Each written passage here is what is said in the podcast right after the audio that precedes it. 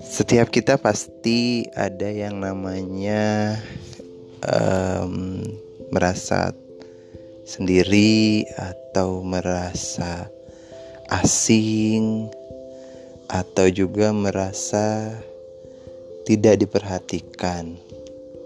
Tapi di podcast ini, uh, mari kita sama-sama berbagi kesendirian dengan ngobrol. Karena di saat kita ngobrol, semua yang merasa asing akan hilang dalam sekejap. Jadi, kita ngobrol yuk.